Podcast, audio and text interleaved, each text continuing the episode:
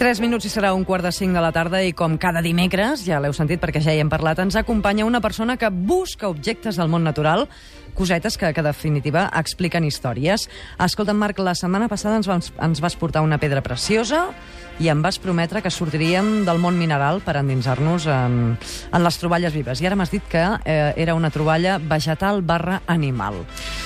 Doncs sí, de fet el que porto aquesta setmana és una mena de cosa estranya que surt al damunt d'alguns arbres, mm. uh, en aquest cas concretament al damunt d'uns brots fantàstics de roure que tenim aquí a l'estudi, i això que veus aquí davant teu, aquesta mena de cosa estranya... Jo que són molts, molts insectes que volen, sí. i m'estic atabalant.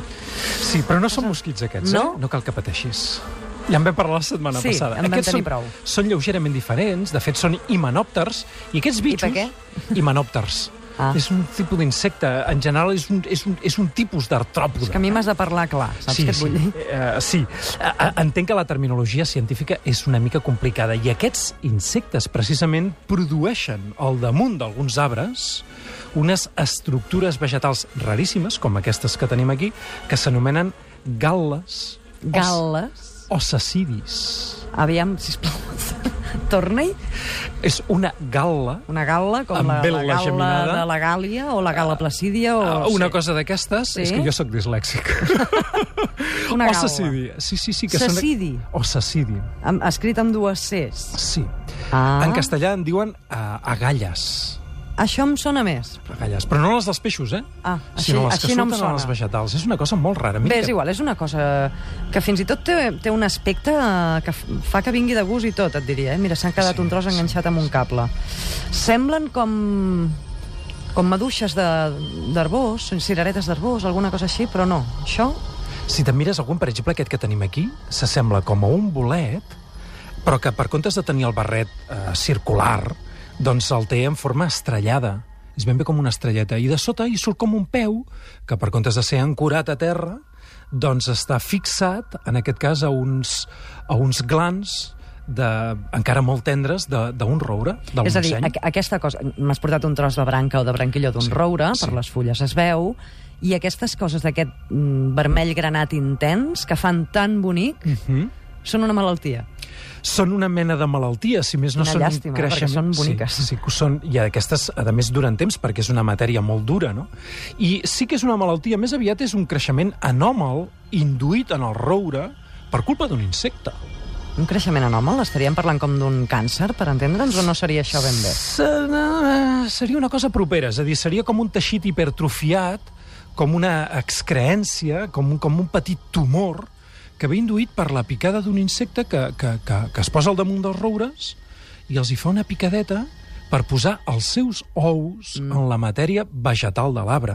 Mm -hmm. I l'arbre reacciona, eh, diguem, amb una certa virulència i provoca aquest creixement anòmal, en aquest cas curiosíssim, perquè pensem que normalment les gal·les o els sacidis... No m'ho són- aprendré, eh? Sí, jo, a mi em va costar Ves-ho molt. eh? dient tu, perquè jo això no m'ho aprendré. Insistirem una vegada i una altra. Normalment són esfèrics. Fixa't, aquí te n'he portat un que és, és, un, és com, com, com una, una bala d'aquestes Sí. de jugar Sí, sí, sí. als nens. Té un centímetre i mig de diàmetre. Més o menys. Aquest és el més normal, el més comú, però sens dubte aquest que tenim aquí, de color vermellós, que per cert té un nom fantàstic, es diu Andricus viscosus. Àndricus viscosos. No em consta ni que tingui nom vulgar. Àndricus, eh, m'és igual, però viscosos vol dir que, que això és enganxós. És enganxós, fixa't, si el toques una miqueta, t'hi quedaràs adherida, Ai, perquè sí? es, es, està recobert d'aquesta cosa enganxoseta especial, que per cert tampoc eh, eh, sé entendre quina mena de funció pot tenir. Per cert, que segur que aquelles persones que ens estiguin escoltant i que siguin incapaces d'imaginar-se aquesta cosa que estem intentant descriure, ho tenen molt més bé si miren el Facebook del programa. Mhm, ara de Que seguida ha- pengem la hi hem foto. penjat unes fotos. Més que res perquè ens puguem fer una idea de com és aquest organisme estrany, per una altra banda relativament comú, però que sovint ens passa desapercebut. Són aquelles petites coses del món natural als que no els hi donem importància. Sentim el brugit dels insectes, Sí. veiem els arbres, però no sabem que entre ells hi ha una relació que a vegades acaba materialitzant-se amb aquestes estructures tan petites i tan mones. Jo, com ho has explicat, pensava que aquestes estructures les fabricaven els insectes en qüestió, és a dir, igual que les abelles fan un, un, un, Un rusc. un rusc de mel, que aquestes estructures les feien els, els bitxets. Però, Doncs però no, no, això és una reacció de l'arbre, és com la crosta. Senyora, és una crosta gegantina molt ben estructurada, més característica... Com és que és tan vermell si l'arbre és verd? Sí, aquesta és una de les altres potser una pregunta sorpreses. Eh? absurda, eh? Però Jo vaig intentar destil·lar els colorants d'aquestes gal·les i, I de les fet... coses de fer, tu també, Sí, eh? noi. També vaig mirar a veure si aquesta cosa enganxosa era soluble o no amb alcohol, per, me- per, per saber si més no que era. I, de fet, aquest vermell tan intens no està fet d'un únic pigment vermell, sinó que també hi ha un altre pigment verd que ens passa més desapercebut, que no es manifesta d'una manera tan rotunda. I cada gal·la o cada cecidi és característic d'un insecte concret que fa una picada concreta en un arbre concret. És a dir, que Mm, a partir de la forma de la gal·la, els especialistes, que no és el meu cas, saben exactament quina és l'espècie d'insecte que ha produït, diguem, aquesta excreència, que ha posat aquí els ous, perquè aquí dins hi ha els ous. aquí dins hi ha ous? Sí, mira, em vaig a trencar un, eh, eh, amb el risc de quedar-me... Espera, que n'he portat un de sec. Amb el risc de quedar-me enganxós. A veure si es pot escoltar pel micro. Aviam. Sí, sí. És com si haguessis tallat eh, o obert una nou o... Sí, li he trencat el coll, diguem-ho així, d'aquest petit barret, i a dintre, aquesta càpsula ja és antiga, aquí, en aquest forat que hi queda, que ara hi ha fins i tot alguna mena, alguna petita tranyina, aquí dins hi posen, hi han els ous dels insectes, que van madurant lentament i que quan ja arriba el moment, diguem, de néixer, d'eclosionar, surten, acaben foradant la gal·la o el cecidi i escapen a l'exterior. Però és molt dur, això de foradar. Si a tu t'ha costat amb dos dits de persona humana com tens, a, a una larva... Ostres, que resulta que les larves dels insectes són molt més poderoses que els dits d'aquesta persona humana. Ah, estan preparades. Estan preparadíssimes, tenen uh, un, un, un, un, unes dentetes diminutes, però amb una potència extraordinària, amb una, una capacitat d'arrencar encenalls petits, i van foradant, foradant, com un corc, en el fons, fins que surten a l'exterior i aleshores ja sabem que aquella gal·la doncs, ja no és útil, senzillament perquè el petit bitxo ja ha sortit, que per cert, aquest petit animaló que produeix aquestes gales és pràcticament com una mosqueta. Mira, aquí també te n'he portat una, però d'allò més discret, eh? És més petit que una mosca comuna. Sí, molt, molt petitó. I això... Amb Sembla els... una formiga voladora, gairebé. Sí, tenen una certa similitud. I això, uh, uh, diguem... No fa gaire bona cara, Marc, t'ho No, dir. eh? no. Aquest s'estava preparant, s'estava passejant pel teclat del meu ordinador aquest matí, mentre estudiava el guió que tenim aquí sobre la taula, Quin mal moment per Sí. posar-se davant teu, eh, també? Sí, ha passat per allà i, ostres, làticos viscosos! He agafat una capseta de plàstic i aquí el tenim. Ara ja no està en molt bon estat. Ha arribat viu, hem de dir que fa uns 10 minuts encara bellugava, i ara se li mou alguna antena. Pobret, em sento cruel. Em És, sento molt és que el, els estudis de ràdio no són el seu lloc natural. Avui a Catalunya Ràdio amb en Marc Boada estem parlant de coses que fa només mitja hora no sabíem ni que existissin, com els cecidis o gal·les.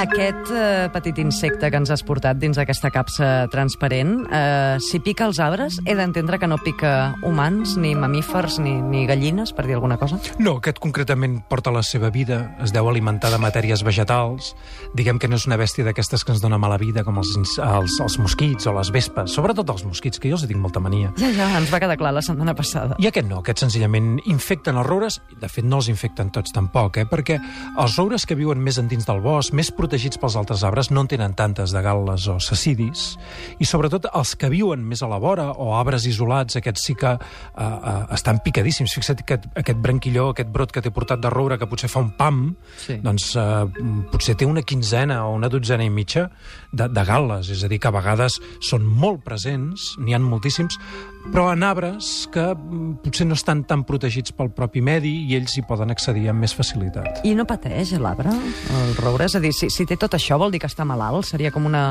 M'ho invento, eh? Com una persona que té varicela i està plena de grans? Eh, Jo crec que no, eh, però tampoc t'ho sabria dir, eh? Eh, És a dir, el roure d'on he tret aquesta mostra que he portat aquí, eh, avui, eh, ja fa dos o tres anys que me'l miro atentament, perquè jo quan vaig descobrir eh, amb la mateixa curiositat que qualsevol altra persona, eh, aquestes estructures vegetals tan curioses, em vaig quedar de pasta de cacauet i, i l'he anat seguint, aquest arbre, i, i no el veig que estigui més desmillorat que d'altres roures que, que porten una vida, diguem, més còmoda perquè no tenen tots aquests bitxos eh, al damunt. De manera que mm, sembla, diguem, que aquest paràsit doncs, no li amarga massa la vida a l'hoste i és que, de fet, jo em penso que no hi ha cap paràsit que, que, que vulgui matar el seu hoste. De vegades fa aquest efecte, eh, per això. Sí, però no els interessa. No, clar, la naturalesa és intel·ligent i, òbviament, es tracta que, que, que no s'acabi l'aliment. Clar, eh, pensa que si, que si un, un, un paràsit acabés amb l'hoste el mateix, doncs senzillament es quedaria sense lloc on viure, no? I, per tant, és eh, una norma relativament general d'aplicació, quina frase tan mal formulada eh, i tan mal construïda, doncs que en, en, al llarg del temps i de les generacions, els paràsits, a poc a poc, van perdent virulència, que és una cosa similar a la que passa també Ah, amb sí? algunes malalties humanes. Sí, sí, sí. sí. Fixa't, eh, imagina't per un moment que hi ha un grapat de paràsits que, que volen, eh, que parasiten una espècie. No tots els paràsits són iguals. Alguns són més agressius per la mínima variabilitat genètica de totes les espècies i d'altres són com una miqueta més benignes. Aquells que són molt agressius i parasiten radicalment els seus hostes acaben amb ells i moren junt amb el seu hoste. Clar. I en canvi aquells que són més, més benignes parasiten el seu hoste, però aquell hoste, a poc a poc, ostres, va sobrevivint i, per tant, el, els hi proporciona un lloc on seguir vivint, on seguir reproduint-se, de manera que sembla que l'evolució prioritza aquelles formes que no són totalment mortíferes, perquè és que si no se- se'ls hi acabaria el sistema de viure. No? Això és el que justifica, per exemple, que, eh, o, o, o em diuen que és el que justifica que les diverses eh, onades de la pesta negra que va haver-hi arreu d'Europa a l'edat mitjana o cap al Renaixement eh, fossin cada vegada menys virulentes que no pas les primeres perquè si haguessin sigut igual de virulentes i la mortalitat produïda hagués sigut la mateixa, és que haguéssim acabat amb la població humana d'Europa i, per tant, aquell mateix paràsit doncs, també hauria acabat amb les seves possibilitats de seguir prosperant. Ja tenim al Facebook la foto de, de l'àndricus viscosus, de- d'aquesta mena de, de crostres mm, que, que li surten al, al roure. Només ataca el roure? Aquesta, Sí, sí, sí. Cada, cada, de, de fet, això passa amb tots els paràsits. Eh? La, la, una de les coses xulis dels paràsits és que estan, estan especialitzadíssims, no parasiten qualsevol cosa. No?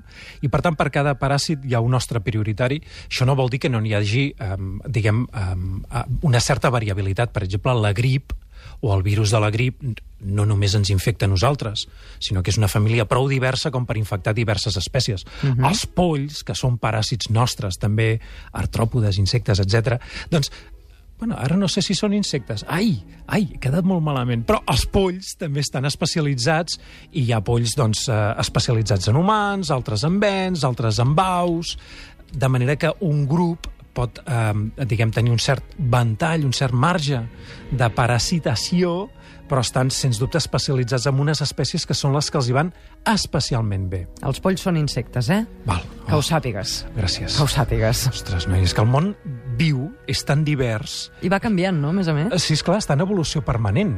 De fet, aquest àndricus viscosus que tenim avui aquí no devia aparèixer ja amb la forma que estem observant en aquest moment. Devia ser una estructura més senzilla. No tot neix tan sofisticat com el que podem observar. Els guepards, que són animals especialitzadíssims en la cursa i en, i en caçar a la carrera, de ben segur, en les seves formes primigènies primitives, no devien estar tan especialitzats i aquells que eren especialment veloços són els que van evolucionar. I segurament amb l'Andricus viscosus va passar una cosa similar. Hi, va, hi havia un himenòpter primigeni també, fa milers o centenars de milers o milions d'anys, que va començar a trobar la manera de trencar l'escorça de l'arbre, d'injectar probablement un morfogen, és a dir, una substància que reprograma les cèl·lules vegetals perquè fabriqui el sacidi, aquelles formes més resistents van prosperar i aquí hem arribat. Això no seria com una cosa transgènica, per tant? Sí, Una transferència de gens d'una Sí. espècie a una altra? Sí, hi han moltíssimes transferències de gens. Nosaltres mateixos som un ecosistema, el nostre cos, eh? el Què dels humans. Què en dius? carregat de, de, de, de microorganismes i hi ha un cert traspàs d'informació genètica dels microorganismes a, a, a les formes superiors. Hi ha fins i tot qui diu que part de la variabilitat genètica i de la capacitat evolutiva de la vida al nostre planeta és deguda als virus, als bacteris, etc. que, que jo m'he dutxat aquest matí, vaig molt neta, eh? Sí, però tampoc es tracta d'anar massa net, eh? No? No, és com netejar un bosc. Dius, ostres, els boscos estan bruts perquè hi veus moltes coses. Neteges massa i aleshores empobreixes el bosc i la seva capacitat evolutiva, de resposta davant de l'agressivitat del propi medi, de les fluctuacions climàtiques, etc. No? Uh, hem d'estar nets i polits, perquè això és una cosa importantíssima, perquè sabem que és bo per la salut, etc. Però allò de, de, de fregar-se amb un fregall lleixiu els dits Home, perquè tampoc. quedin brillants és excessiu, perquè tenim uns bacteris per exemple, uns 4 milions a cada una de les nostres mans d'una manera natural que contribueixen a metabolitzar nutrients que tenim a la superfície de la nostra pell, eh, que contribueixen a que tinguem una bona salut. Això ens ho explicarà probablement el dermatòleg, Sí. que tindrem més tard. Ell El sabrà molt més que jo. Sí. I, per tant, eh, diguem, es tracta de foragitar els paràsits dolents però n'hi ha alguns que, com deia un llibre molt antic de físic, de, perdó, de biologia, que ens semblen ben parlar la setmana passada, i són, Sí. n'hi ha alguns que són beneficiosos per a l'hombre. Exacte. És a dir, que no estem mai sols. Mai, Encara que estiguem sols, no estem sols. mai. I a la vida en el nostre planeta prosperen els racons més inusitats i és imprescindible que hi sigui perquè, eh, diguem, si no, això es esdevindria inevitable en poc temps. Has parlat de boscos i tinc ganes de parlar-ne de boscos. Ara de seguida ens acompanyaran en Martí Boadé i la Judit Rodríguez, però abans hem de sentir quatre anuncis que els senyors que anuncien també volen parlar.